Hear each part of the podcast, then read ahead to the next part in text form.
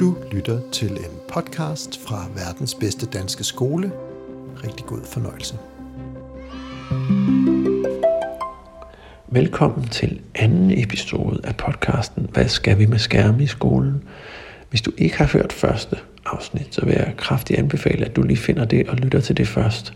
For der vil du høre Louise Klinge, mig selv, Anders Peter og Esben Trier tale en hel masse om skærme og skærmbrug i skolen og god undervisning generelt. Samtalen den blev lang, og derfor har vi delt det op i to, og det er nu den anden del af samtalen, du skal lytte med til. Vi lægger forholdsvis hårdt fra land med en kommentar eller et spørgsmål fra en af dem, der så med, da vi havde webinaret, og hvor du hører Louises og mine bud på, hvad svaret kunne være. Og så taler vi videre om skærme i skolen og god undervisning. Tak fordi du lytter med, og god fornøjelse. Apropos, så har vi en kommentar og et spørgsmål her. Øhm, der er mange gode digitalforløb, hvor man ikke behøver at genopfinde egne forløb. Så spørgsmålet er vel mere, hvordan man som lærer kan skabe et multimodal og taktilt med videre læringsrum. Mm. Hvad skal skolen i fremtiden, når man nu konkurrerer online, øh, for eksempel universiteter, TikTok, Ramachan med mere? Så hvorfor gå i skole, spørgsmålstegn? For fællesskabets skyld, råbte han derovre. ja. Der er jo mange, der også, og det, det der hører vi jo også sådan, den der edtech-branche, der er jo mange, som også har en drøm om sådan en gamification-agtig, meget individualistisk mm. læringsbølge. Og det er derfor, jeg synes, at det der, du nævnte før med, at i EdTech Danmark, der samarbejder vi med kommuner og universiteter også, for jeg synes, det er så vigtigt, at vi har nordisk EdTech gåseøjne, som sørger for, at vi stadig har den her fællesskab, og det her med at møde hinanden. Og der er det enig med Mathias Desvej at se hinanden i ansigterne, jeg vil nok sige øjnene, men men, men det er det, jeg synes er så vigtigt, og det er det, fremtidens skole også skal kunne, fordi alt det andet, de kan, ja, de kan se YouTube-videoer og lære sig alt muligt, men de der relationer til ja. hinanden, må jeg ikke skrevet en PhD om det, men, men jeg tænker, det, det er noget, det, vi stadig skal huske er vigtigt. Ja, ja. ja hvis, og hvis vi ønsker, at alle børn går ud øh, efter en skolegang og både kan og vil bidrage til samfundet, så skal de jo gerne have kendt og erfaret, det kan jeg godt. Altså, mm. jeg kan faktisk bruges til noget. Jeg er vigtig i det her fællesskab, og det er der, hvor vi skal hele tiden udfordre vores skole i forhold til, at vi har rum, der inviterer til at sætte ned og ti stille. Og hver eneste dag, når, børn, når, når lærer lykkes, og pædagoger lykkes med at give børnene mange deltagelsesmuligheder, så lykkes de for mig at se på trods. Ja. Det er ikke de fysiske rammer, de strukturelle rammer, der understøtter det. Så hvis børnene skal have erfaringer af, at jeg kan bidrage, så de også kan tænke det som fremtidige samfundsborgere, og så samtidig, at de også oplever, øh, der er faktisk reelt brug for mig, for det giver mig faktisk lyst til at ville bidrage. Ja. At, det, at det ikke er lige meget. Og det er der, hvor at, at, at, at, at digitale læremidler, når det ender med, at man bare sidder, og det handler meget om min kognitive udvikling, så var det jo lige meget, når jeg kom med leg. Så kunne jeg lige så godt sidde derhjemme og game, for det får jeg mere ud af. Ja. Så, så, så, så det er virkelig... Øh... Og der sker heldigvis ret mange spændende ting rundt om i landets kommuner, hvor man eksperimenterer meget ja. med rum og alt det der. Ja ja, en masse skønne ja. ting der, øh, som man kan blive meget klogere og inspireret af, men, men ja, altså det der med at føle og have noget, og der, der synes jeg, det er så vigtigt at huske, at danske unge er faktisk dem i verden, der har allermest tillid til deres omgivelser. Ja. Så det har vi ikke fået ødelagt helt endnu. Ja. Øhm, men de er rigtig glade for, at deres lærere har tillid til dem, og tillid til voksne generelt, og tillid til hinanden også. Øh, det er jo også noget, det jeg håber, at fremtidens grund- eller folkeskole i Danmark kan være med til at ja. sørge for, at vi også har den verdensrekord om 10, 20 30 år.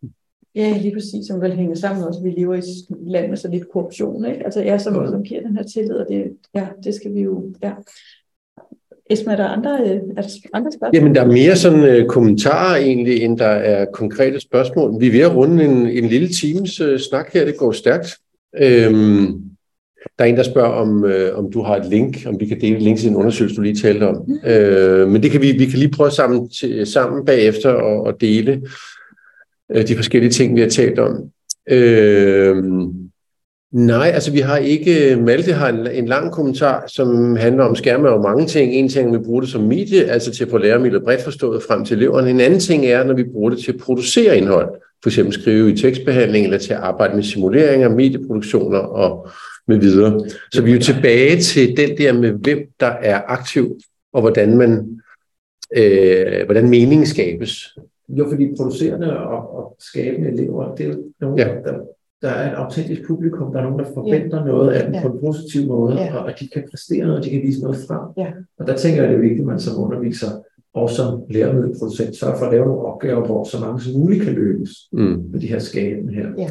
Men nu siger jeg noget, som vi- jeg godt kan sige i det her lukkede rum, uden for mange tilhører, der overhovedet ikke er, er videnskabeligt eller fagligt funderet. Nej, som sagt før, øh, med, med tre drenge i bagagen, øh, 27, 21 og 13, har prøvet et hav af, af folkeskoler, private skoler, friskoler, øh, haft en, der var ordblind, haft en anden en, der havde nogle andre udfordringer. Øh, ja, så jeg tror jeg mig og, og min hustru har prøvet en, ja, små 8-10 folkeskoler og, og grundskoler. Og så må man jo bare tilbage til det med, at jo om de 80-90 procent afhænger jo af læreren. Øh, og, og der er meget, meget, meget stor forskel på tilgangen, for eksempel det, du var inde på med at sige, jamen, hvordan er det, man starter? Ligesom hvis man starter et møde, eller man kommer til en middag, eller man møder en ny person, hvordan er det, man siger goddag, og hvordan er det for en holdning, man har? Ja. Ja, og hvordan slutter man af? Og hvordan slutter man af? Og det tænker jeg, der er stadigvæk jo noget der, apropos det med, øh, når vi nu snakker teknologiforståelse, hvis det skal blive til en faglighed, at, at vi stadig, nu har der været et forsøg, det bliver stadig diskuteret, og der er ingen politisk beslutning om at gøre det et fag endnu, eller hvordan det skal inddrages. Øh, man har ikke startet med det på læreruddannelsen for alvor. Man har nogle forskellige steder, sådan, hvor man knopskyder. At i virkeligheden er der rigtig meget øh, omkring lærernes forhold, øh, den gamle diskussion om forberedelsestid øh, og hvad de kan, fordi der, det er så personafhængigt i min oplevelse som forældre. Ja, Ja, al det- god praksis står og falder med de lærere, Ja. der fra øjeblik til øjeblik er sammen med børnene. Det er det, der afhænger af. Derfor kan du ikke tale om en god skole. Det vil altid variere. Præcis, og så er det jo frem til at sige, jamen hvis man stiller nogle værktøjer til rådighed, øh, analog eller digitale, øh, så handler det jo utrolig meget om, hvordan man bruger dem, øh, og ikke nødvendigvis, hvordan værktøjet er indrettet. Det er den ene ting. Den anden ting er jo så at sige, og det synes jeg er en virkelig god point, du har, øh, og som jeg også havde oppe i Tech og Trivs, altså det her med, du nævnte før, at jamen, hvordan sikrer vi det her med, når vi giver dem en opgave, og læreren kigger væk, og de er blevet 14 år øh, eller 13, øh, lige hurtigt kan, kan klikke skærm og gå over i et spil eller TikTok. Eller andet. Det har vi jo ikke, det har læreren ikke nogen chance, og skal ikke øh, bruge tid på. Altså det, det, det er tabt på forhånd. Så hvad gør vi ved det? Spørgsmålstegn. Jeg, jeg, forestiller, jeg spurgte til forældremødet, vi har Bring Your Own Device i Københavns Kommune, hvor min datter og søn går. Øhm, og så, så nævnte jeg jo på et forældremøde, at man kan jo faktisk godt gå ind og blokere. Mm. For eksempel har jeg også sat min datters rigtige alder på hendes Google-konto. Så kan hun ikke gå på YouTube i timerne. Det var så et problem, fordi lærerne jo sagde, at de skulle gå på YouTube. øh, hvor man også tænkte over. Og, og en anden ting var, at vi endte sådan i, de skulle, lave, de skulle bruge Minecraft i undervisningen også. Det kunne man så heller ikke, fordi at jeg havde ellers sat det og alt det der. Så, så Ja. der er nogle ting, forældre kan gøre. Øh, og min drøm er jo todelt i forhold til forældrene. Den ene er, at de sætter sig godt ind i, hvad er det, jeg giver mine børn, når jeg giver min skærm? Altså, og hvad er det, jeg, jeg opfordrer dem til at bruge den til? Hvad er det, jeg selv bruger den til? Og hvordan kan jeg støtte lærerne? Og så skal vi jo klæde lærerne og skolelederne bedre på til at kunne sige, at der er smartwatches, der er alle de her ting, som kan være forstyrrende. Men hvor mange af dem kan vi lave med en firewall og det der? Jeg har også været på grønlandske skoler, hvor og det, det var bare på grund af hastigheden. Der kunne man heller ikke komme på YouTube, Facebook og alle de der ting. Mm. Så, så man kan jo godt gå ind som skole og så sige, at vi har skærmen, men I kan ikke alt det der. I kan faktisk kun tilgå de her. Nu ved Malte, der ser noget meget mere om, hvor restriktivt man kan lave det. Man skal heller ikke, skal heller ikke være sådan helt vildt restriktiv, og der skal komme en løbende op ned fra kontoret og sige, der er tre elever herinde, der har været der og der. Men, men man kan gøre rigtig Ja. meget. Og så kunne det være skønt, hvis forældrene i stedet for at råbe op på, at skolen skal forbyde, Ja. så måske kiggede over på politikerne Ja. og råbte op om, at har skolefolk, lærere, pædagoger og ledere, har de de rammer, der skal til? Mm. Og det, ja, her snakker jeg ikke kun forberedelse. Nej. Jeg tror, vi tre kan blive enige om, det kræver rigtig lang tid at forberede god. Ja. Men også rammer i forhold til, jamen, er der et fag, er lærerne klædt på til at bruge det ordentligt? Mm. Bliver det brugt ordentligt med eleverne? Er der en, kunne man lave en, var inde på historie før, der har vi en historiekanon, kunne man lave sådan en teknologikanon Mm. i grundskolen, der hedder, her lærer vi det, det, det, det, det. Som jeg ser det nu, så er der meget, der afhænger af, om læreren lige vælger at bruge et af de glimrende materialer, der findes fra alle mulige frivillige organisationer og NGO'er, som laver noget omkring skærmtid og alt det der ting. Mm. Men, men det er ligesom det er meget lærerbestemt. Ja. Og så tror jeg ikke, det er nok. Ja. Altid. Nej, præcis. Øhm,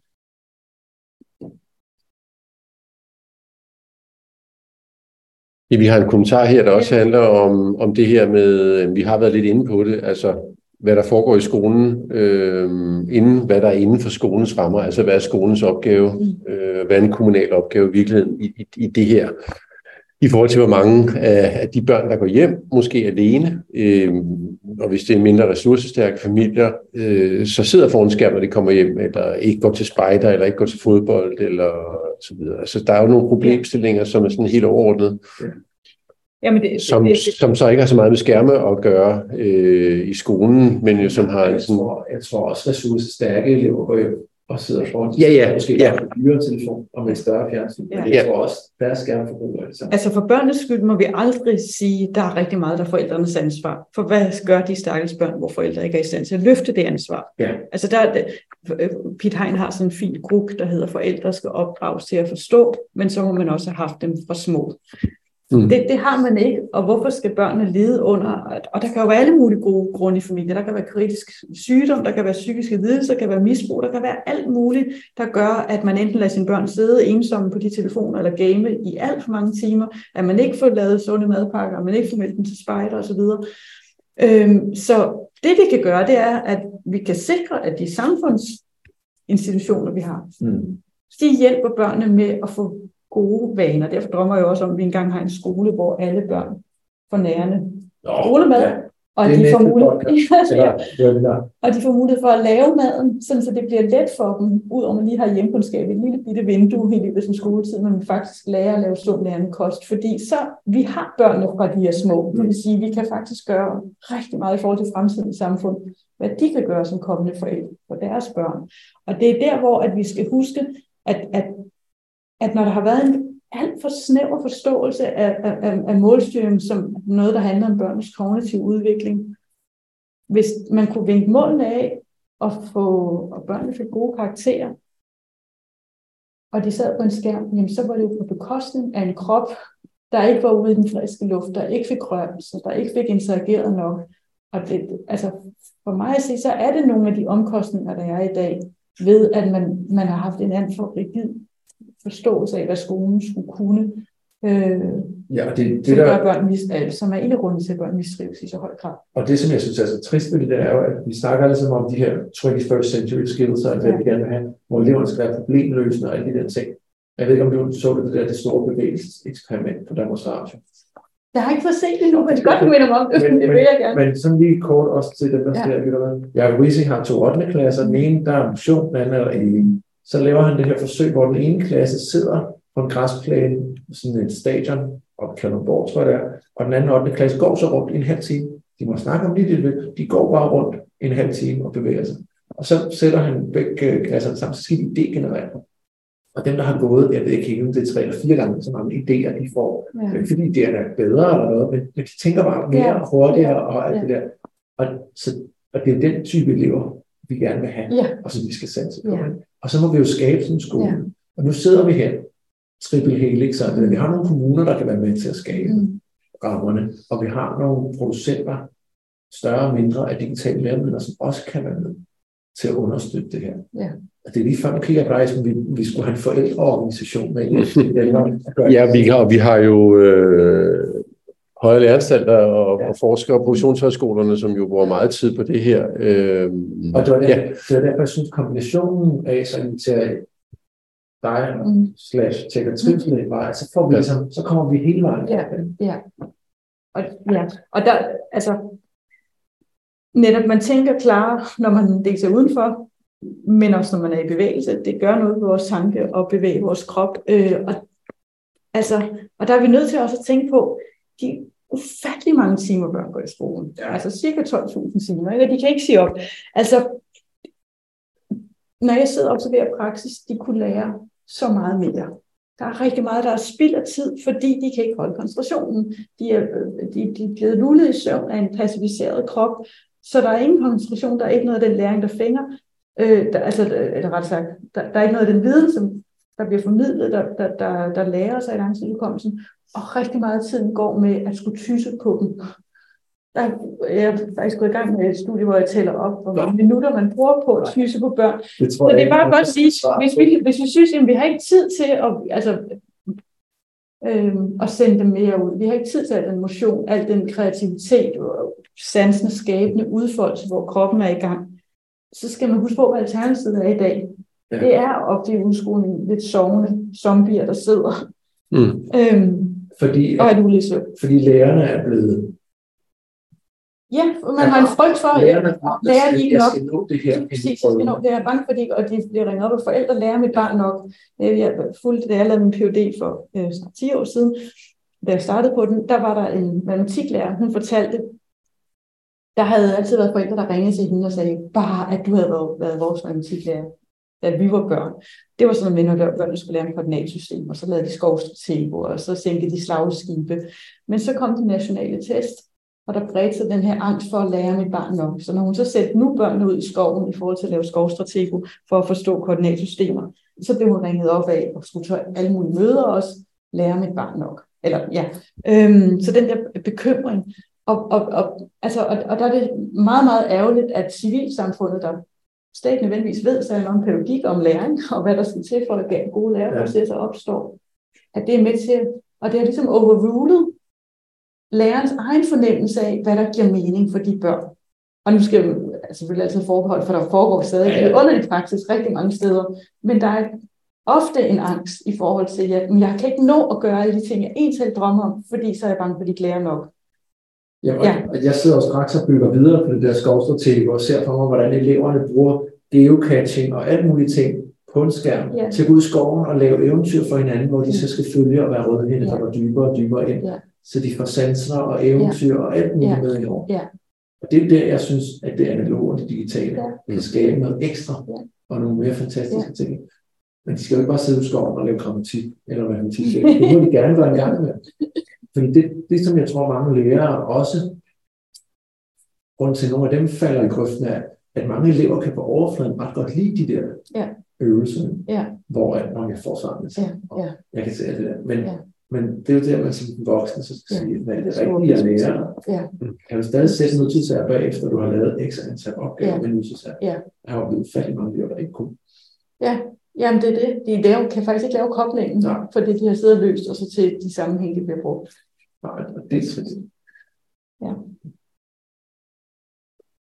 Ja. Mm. Altså, um, vi har ikke fået så mange spørgsmål. Vi har nogle kommentarer, men, og, og noget af det har vi været omkring, men, men Malte er kommet ind med en igen, og, og vi var lidt omkring den før, det her med, altså hvis vi skal, hvis vi skal lære noget netikette, øh, og hvis vi skal lære, ligesom, hvordan opfører vi os øh, digitalt, og hvordan hjælper vi børnene, så skal vi jo ikke gøre det ved at som på Trøndegårds eller Tjørnegårdsskolen i Lønby ved at forbyde mobiler, øh, fordi det er jo en mærkelig måde at lære sig, at det der må du ikke, det er forbudt, og så bliver det tværtimod måske nok mere spændende. Men man kan selvfølgelig sagtens komme i en situation, hvor man bliver så frustreret som skoleledelse eller som, øh, som lærer, man siger, at vi har ikke nogen, øh, vi har ikke nogen ressourcer eller eller værktøjer til at begrænse det her. Så det eneste, vi ser os øh, i stand til at gøre nu, øh, det er et forbud.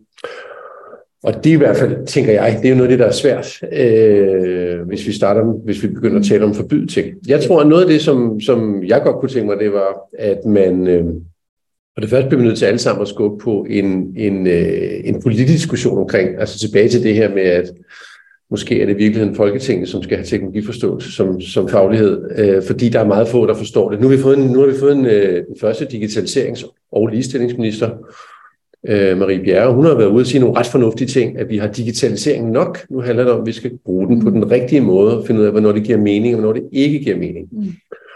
Det er den ene ting, hun har sagt, og den anden ting er det her med et A- og et B-hold, altså, som jo kører i som ongoing debat omkring ældre især, hvordan kan de være borgere. Og det skal vi ikke gå ind i, men man kan godt lave en, en analogi over til børn, og sige, hvordan sikrer vi, at som du var inde på før, hvordan opdrager vi dem til at blive gode, demokratiske, ja. deltagende borgere. Ja i en verden, hvor, hvor øh, det er digitalt. Men det er jo en af mine kæmpeste, fordi jeg oplever jo af ved at se hold blandt elever og skoler, fordi der er nogle skoler, hvor de har for eksempel Alderslev, de har ja. makerspaces, så de arbejder med teknologier på en hel masse forskellige måder. Ja. Så har vi B-holdet, de lærer der at bruge Word og logge ind og alle de der ting og alt det der, men de, de bruger det ikke rigtigt til noget som helst. Så har vi C-holdet, som aldrig kommer i nærheden af noget ja. som helst mm. af en skærm. Mm. Og det kan være lige farligt for alle tre grupper, hvis de ikke mm. lærer at bruge det ordentligt. Altså hvad, du ser steder, hvor man slet ikke bruger skærme? Nå, nej, der er jo... Nej, altså, Eller mener du men- teknologien? men teknologi. Ja, Ja. også det. Ja. Øh, men der er jo også nogle steder, hvor de slet ikke bruger skærm. Men det tror jeg alle er enige om, at der er det der ABC, og måske også et D-hold. Øh, men hvad tænker du så, Anders? Altså fordi, hvad, hvad skal man så gøre, apropos triple helix? Altså fordi man vil på samme tid gerne give lærerne frihed til at tilrettelægge og bruge deres egne metoder. Men i virkeligheden taler det der jo for at sige, at vi er nødt til at have noget mere central styring af, hvad det er for nogle læremidler, man har, og siger, jamen nu er der, nu, er der, nu skal I gøre sådan her i det fag, og sådan her i det fag, I skal bruge de platforme, sådan at man tager stilling til det, fordi hvis man var, hvis man var djævelens advokat, så Ja. kunne man også sige, og det er jeg ikke normalt, så kunne man jo også sige, at din undersøgelse peger jo på, at der, uanset at de store efter- og videreuddannelsesindsatser, der gøres, så er der rigtig mange lærere, der A, ikke får, oplever, at de får støtte for deres ledelse, B, simpelthen ikke kan finde ud af det. Det kan også være et generationsspørgsmål. Men jeg havde virkelig mange i undersøgelsen, nu har jeg ikke lige det slide her, jeg havde virkelig mange, der ikke inden for de sidste par år havde været på et, et kursus, der var mere end en dag. Hmm. Så, så hele den der store efter- videreuddannelsesindsats, Den er der ikke. det tror jeg ikke. Nej. Det, så kan det være, der går en eftermiddag, der kommer en anden konsulent ud og fortæller, hvordan man bruger det og det. Ja. Men jeg bilder mig jo ned i, hvis det skal læres, så skal det arbejdes ind i lærernes praksis. Ja. Det er derfor, jeg bevidst- bevidst spurgte ind til to dages varighed. Fordi ellers så opfanger man det jo. Hvis man sidder træt en eftermiddag Mm. på et kursus og skal lære at bruge et eller andet, så, så får man det ikke brugt. Mm. Og, jeg er måske naiv ligesom med forbud, men jeg tror, at hvis lærerne får nogle bedre rammer, så laver de mere kreativ undervisning. Og det bliver så nogle gange med papmaché og andre gange med skærm. Mm. Men vi er også nødt til at tale til at lave Altså, det, rigtig mange dansklærer og matematiklærer har også lavet de her kanoner, der hedder, jamen, når jeg får dem op i 6. klasse, så skal de, altså, så skal de kunne lave et excel så skal de kunne lave et diagram, så udtaler man om fag, ikke? Altså, hjemmeværende. Men, men det samme synes jeg godt, man kunne tage Mm. og gøre i forhold til teknologier og sige, jamen, når de kommer herop, så skal de faktisk vide, hvad TikToks algoritme er. Det ville være ideelt, hvis de gjorde det som 12-årige, fordi det er som 13-årige, de får adgang. På papiret, rigtig mange får det sikkert før, mm. men hvis man på den måde lagde ind, fuldstændig ligesom man har fælles mål i alle mulige andre fag, så havde noget, der hed, her skal de kende til algoritmerne, inden de bliver fanget alt for meget ind. Mm.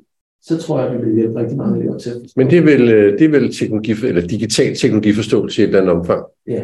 Ja. For ellers så bliver det bare proppet ned i de timeløse fag, hvor det ender Ja. med, at det er dansk lærer, hvis de har tid. Mm. Ja. Den anden ting, jeg øh, gerne vil nævne, øh, det var jo, at vi, at vi, vi laver jo en del, helt del kortlægninger. Altså, hvem arbejder med det her, og hvad er der af virksomheder? Vi har også øh, undersøgt, at der er sådan små 300 øh, fuldtidsforskere, der arbejder med digital læring. Og det kunne være interessant, hævner dig, Mm. Øh, det kunne være interessant at få det mere i spil, øh, fordi vi har efterhånden, selvom vi er i en hvad kan man sige, ung sektor, og det er inden for de sidste 10 år, det for alvor har taget fart, så der, der er stadig mange, der famler jo lidt i blinden, og der mangler evidens for en række forskellige ting. Altså når en siger, en udbyder siger, jamen de har den hellige gral til adaptiv læring, men definerer det på en måde, og en forsker definerer det på et universitet på en anden måde, og en forsker en universitet på en tredje måde. Hvordan kan vi, hvordan kan vi blive bedre til at udnytte den der betydelige forskningsindsats, altså med 300 fuldtidsforskere knap og nap, inden for det her område. Ja. Hvordan kan vi det mere i spil? Det synes jeg er interessant. Øh, Ja, og netop også fordi vi har så mange lokalt i Danmark slash Norden, som kan være med til at give os noget forskning, fordi Ja. ellers så kommer der måske noget sådan kinesisk eller amerikansk adaptivt ind Ja. over, og så pludselig sidder vores elever og kører bare ud af nogle spor, hver Ja. især. Ja. og nu er vi ved at miste deltagere. Det er måske, fordi vi ikke kigger i skærmen, men kigger på hinanden.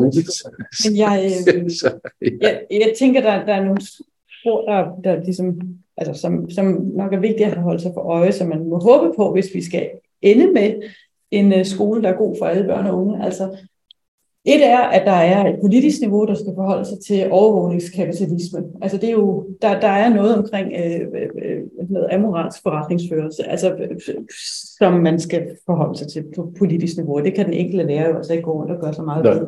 Men så længe der så er ting, der pågår, som, som, som er uhensigtsmæssige for børn og unge mennesker, så tænker jeg, at selvom det ikke er nødvendigt med et forbud for Christiansborg i forhold til telefoner, fordi det vil have alle mulige omkostninger, så er der stadigvæk noget med at dels at oplyse, men også at komme med anbefalinger til, hvordan kan man forholde sig til det lokalt på skolerne, sådan så man sørger for at begrænse skærmtid for de børn, ja. fordi det lige nu har rigtig store omkostninger. Dels hvad det er, de øh, laver på de telefoner, men også bare i forhold til alt det, som det tager tid fra samvær, tid uden for ja. bevægelse osv.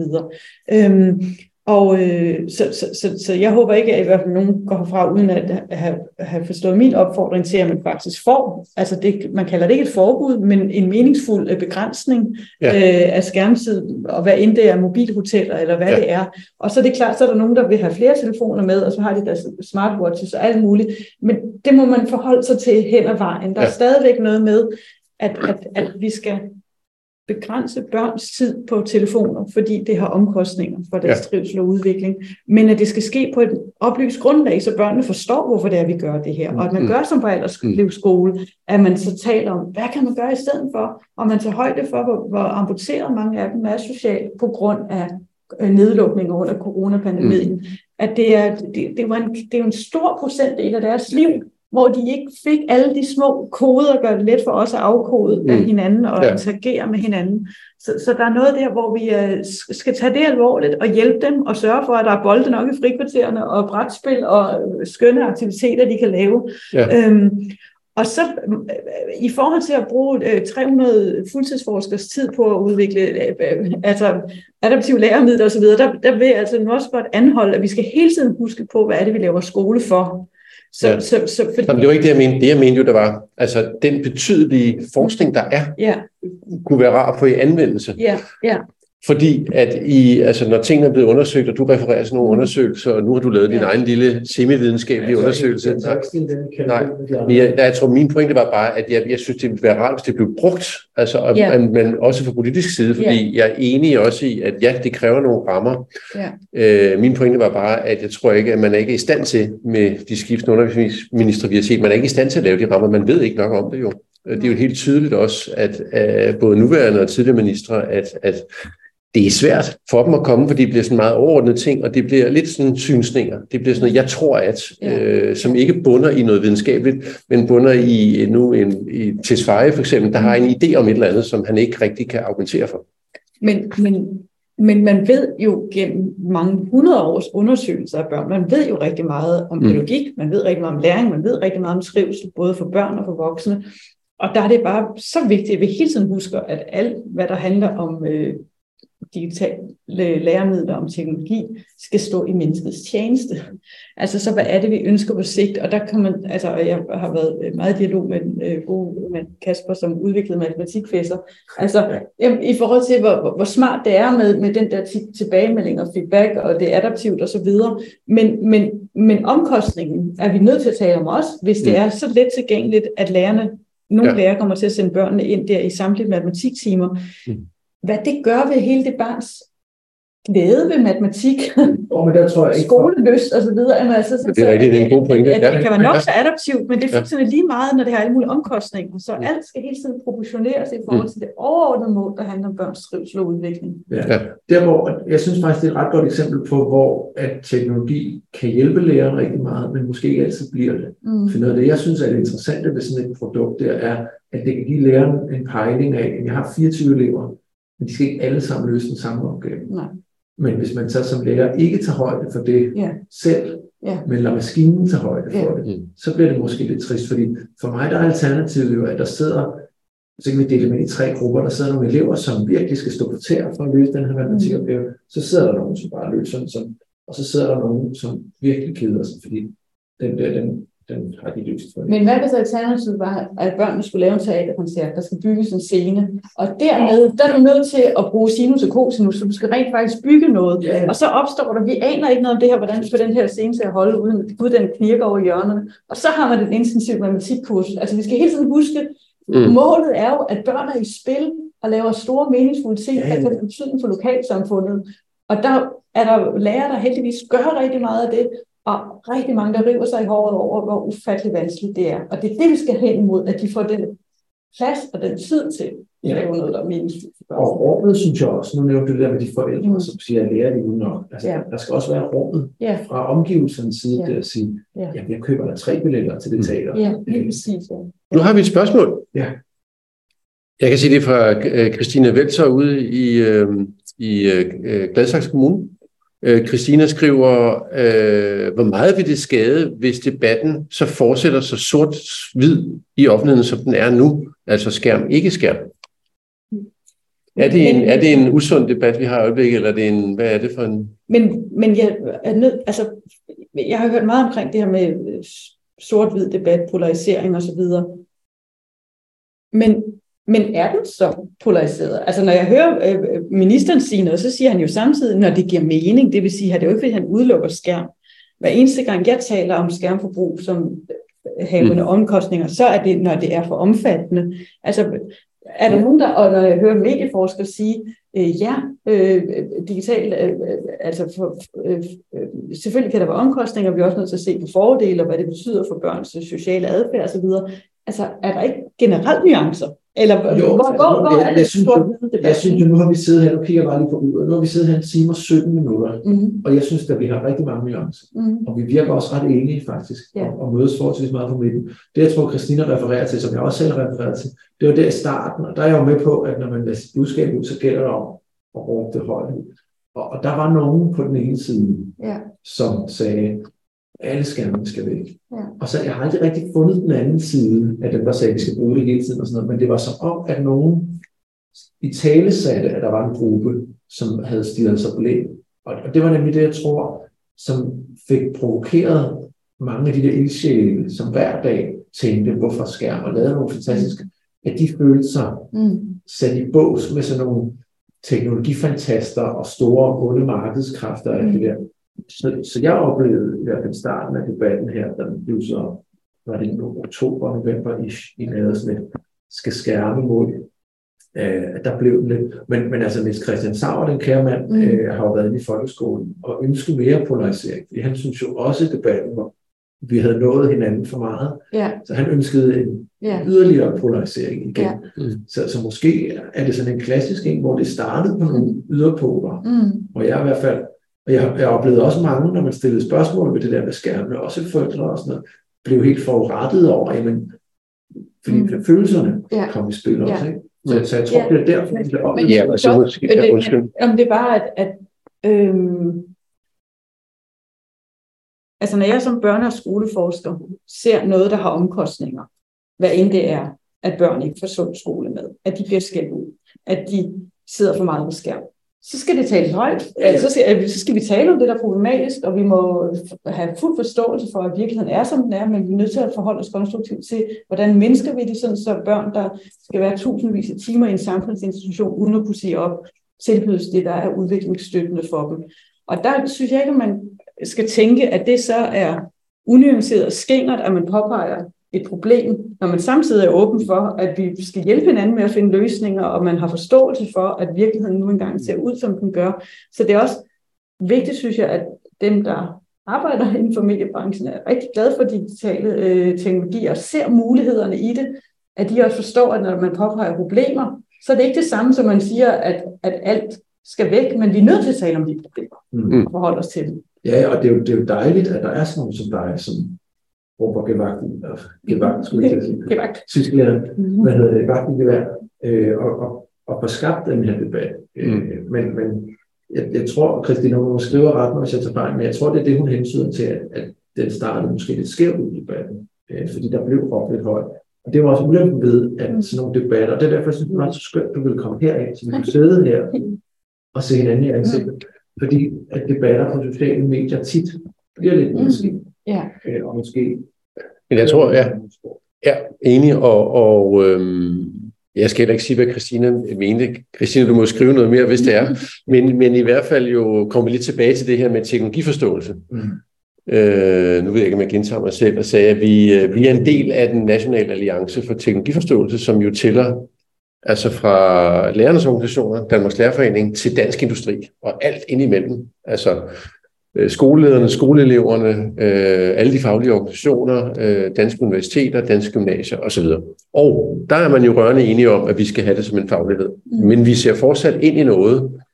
Man siger ikke om fag, man snakker om faglighed, øh, men vi ser jo fortsat ind i en, en, øh, en, øh, nogle ministre, som jo ikke tager action på det. Øh, så det er jo ligesom det første, apropos benspænd, øh, som der blev gjort, det er, at man fortsat ikke tager stilling til det.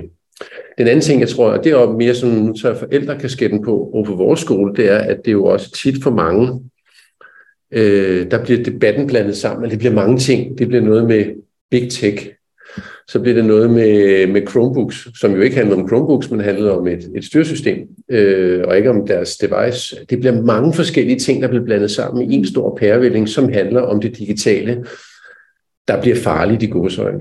Øh, og det gør det på nogle områder. Øh, det gør det vildt på nogle områder, hvis vi ikke forstår at sætte grænser, hvis vi ikke forstår at opdrage børnene. Men jeg tror, det er vigtigt, at man ser, at hvis vi snakker om, hvordan vi bruger digitale læremidler i skolen, så er det en snak diskussionen om data ligger på en server inden eller uden for EU øh, hos Google, øh, om på en Chromebook eller en anden device, det er en anden snak. Altså vi ligesom forsøger at dele dem op, fordi ellers så bliver det mm. blandet sammen, og så bliver det meget polariseret.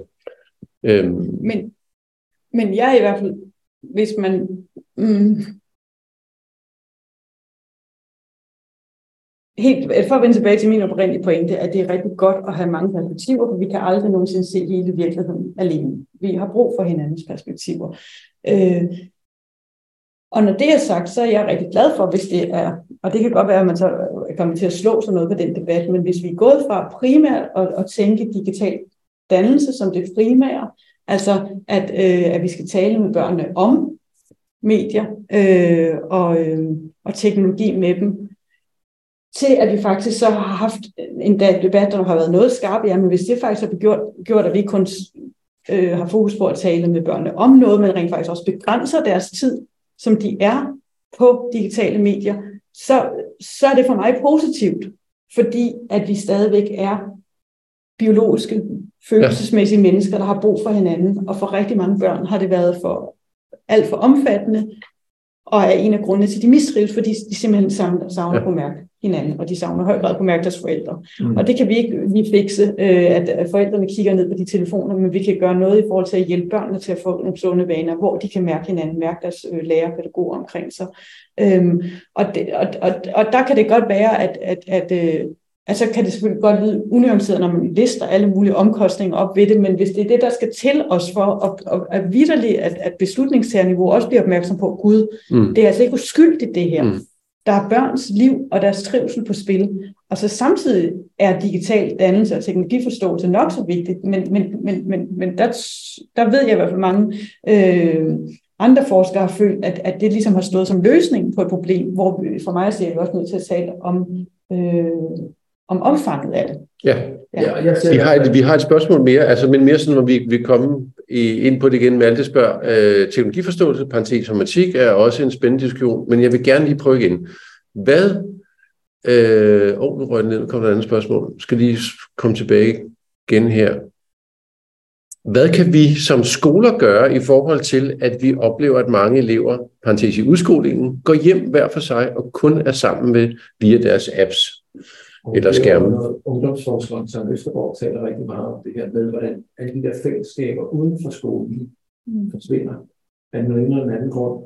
Og spørgsmålet er, Malte, om, om I kan gøre så meget ved det, fordi der er jo en lang skoledag. Nå, men det er heller, jamen, hvad er dit take på det? Nå, jamen, mit take er, altså, jeg tror noget mere bevægelse og noget mere anderledes undervisning. Jeg har en datter, der var syv.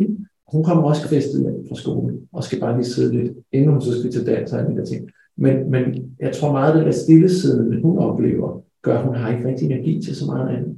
Så kan man se skemamæssigt, nogle dage har hun mere energi til at være hjemme med veninderne end, mm. andre. Og sådan. Men, men jeg tror, det er vigtigt, at vi som, som skoler hjælper forældrene med at hjælpe eleverne til det der. Mm. Og minder også forældre om, at vi skal mm. sørge for, ja, så skal man ikke kalde det legegrupper i udskoling, det har jeg erfaret på den hårde måde, øh, men, men kalde det noget andet at dyrke de her fællesskaber og hjælpe dem med at have de her fællesskaber, eller som de gjorde der på aldersskab. Ja, det, det, det skulle jeg til at sige til Malte, at altså hør på 4 i går og læs ind på DR.dk, øh, hvis du søger på noget med alderslev skole. Altså det her med at tale med, med, med de unge om, hvad kan man lave efter skoletid? Øh, hvad kunne være fedt? Og at de får nogle idébanke, øh, som, øh, ja, Jamen, altså jeg var den pinligste, der var klassefest i min datters 7. klasse fredags, jeg var vagt sammen med træerne, og jeg var så pinlig, for jeg kom ud, de havde gang i sådan en, øh, det var sådan en, en app, hvor man så skulle lave sådan nogle, det var lidt ligesom jeg har aldrig, men det var meget mere uskyldige spørgsmål. Og så, så stillede jeg mod med et kosteskab, og min datter synes, det var så pinligt. Så gik jeg, og så fem minutter efter, så havde de limbo. Ja. Rigtig længe efter. Ja. Så, så nogle skal de bare hjælpes. Det det. Fordi at skærmen, det ved de, hvad er. Ja. Og, det, og det synes jeg er en vigtig pointe, måske her hen mod slutningen, at vi voksne skal huske, at vores rolle over for børn og unge mennesker må ikke primært være funderet på konfliktsky hensynsbetændelse. Nej. Det vil sige, at vi hele tiden synes, det skal være smilende og løsfuldt, at de skal sige ja til os, så nej, vi vil ikke begrænse noget, fordi så brokker de sig. Vi skal tage på os, at, at det kan være mega ubehageligt at se sin far stå med et kosteskaft, men, men når man lige bagefter øh, ender med at danse limbo, øh, så, så, så, så var det det, der skulle til. Det vil sige, at far gå ind i den modige rolle og gøre noget, der ikke nødvendigvis føltes behageligt, men som i et større perspektiv ved, vidste, at det gjorde de her unge mennesker godt. Og det, det, det er et af de ansvar, som jeg synes, vi som samfund skal tage på os, øh, og tænke, hvad er det i det store perspektiv, de her børn og unge har brug for, og så selvfølgelig hele på grunden, Ja. Du ikke bare står og vifter med det der kostiske. Nej, det står ikke, men jeg var ikke troende ja. ja. Men Malte, vi har, vi har også haft forældrearrangementer på min børns skole, hvor så vi kan gøre noget og fortælle. Altså det, det der, jeg skal kigge det der med at, at, at holde nogle forældrearrangementer, hvor man hjælper forældrene, og så bliver, så bliver skolen ligesom den overvoksne, der skal fortælle nogle andre voksne, at de mm. godt må alt det, Louise lige har sagt mm-hmm. med, og lidt konfliktfuld og alle de der ting. Men det er faktisk en af de, vi har fået en meget lang og en sidste kommentar her, som jo handler om, at ja, men en ting er, hvad der foregår i skolen, og det, der bliver sat ind i, i sådan noget, der er en forholdsvis autoritær institution, at der altså, måske er bekymring mere for det, der foregår i fritidsbudbørn og, og børnenes fritid, fordi at, mm. Hvad er det, der er med til at gøre dem passive eller aktive og anspore til ensomhed? Og det der. Jeg, kan, jeg kan referere til min, øh, igen til min egen 13-årige Max. Godt, han ikke hørte. Altså, de er jo, de, han har noget aktiv fritid, som vi selvfølgelig skubber ham til, og noget sport osv., men de har jo også næsten hver dag, har de jo, hvor de sidder sammen. Mm. Efter deres skole, så sidder de sammen fem drenge og papirer og sidder og spiller, og har Discord kørende og sidder og spiller. De har ligesom tre kanaler i gang. Altså, de har det spil, de spiller, så har de Discord, som er jo den her chatkanal, og så har de også lyd på. Ja. Øh, er det et godt fællesskab? Ja, det ved jeg ikke. Det er et andet fællesskab, men de hylder og skriger og har det sjovt, øh, og der er konflikter, og der er alt det samme, som der er i det fysiske. Men det er jo balancen i det. Altså, så længe vi er sikre på, som, som du også er inde på, Louise, at vi, vi sørger for, at de har noget, noget aktivitet øh, ved siden af. Ja, og det er et aktivt valg. Det problemet er det der med, når vi ender med at gøre ting blindt, fordi vi er blevet afhængige på en uhensigtsmæssig måde. Der tror jeg, så vil jeg bare lige sige, der skal vi nogle gange som forældre også sådan tænke, ja, det er et aktivt valg, mine børn går og spiller, men nogle gange så er jeg også nødt til at hive dem væk Ja, præcis. Nu snakkede om det der med at starte entusiastisk og begejstret op. Og så nævnte jeg også, at man skal huske at slutte godt af. Og nu, nu er tiden ved at rende ud. Ja. Så jeg tænker, du nikker, så jeg tænker, at, at vi godt kan, kan småt rundt af og sige tak til alle jer, der så med og lyttede med, mm. og deltog. Og Louise, tak fordi du ville komme ind her og sidde med Esben og mig og bruge en halvanden times tid mm. På at nuancere debatten lidt mere, mm. og forhåbentlig inspirere nogen til at tage debatten med deres kolleger, mm. deres medarbejdere, og måske nogle forældre på skolen. Mm. Ja. ja, og øh, tak for det. Og så kan jeg jo sige, at, øh, at vi... Øh, ja, selvom det kan her, arbejde at vi, vi øh, prøver at finde de forskellige nogle kildehenvisninger til nogle af de undersøgelser, der er omtalt, øh, både de videnskabelige og andres uvidenskabelige, og så øh, samtidig også øh, får vi dels øh, optagelsen her, øh, hvis folk har lyst til at lytte med senere. Så tak for nu. Mm.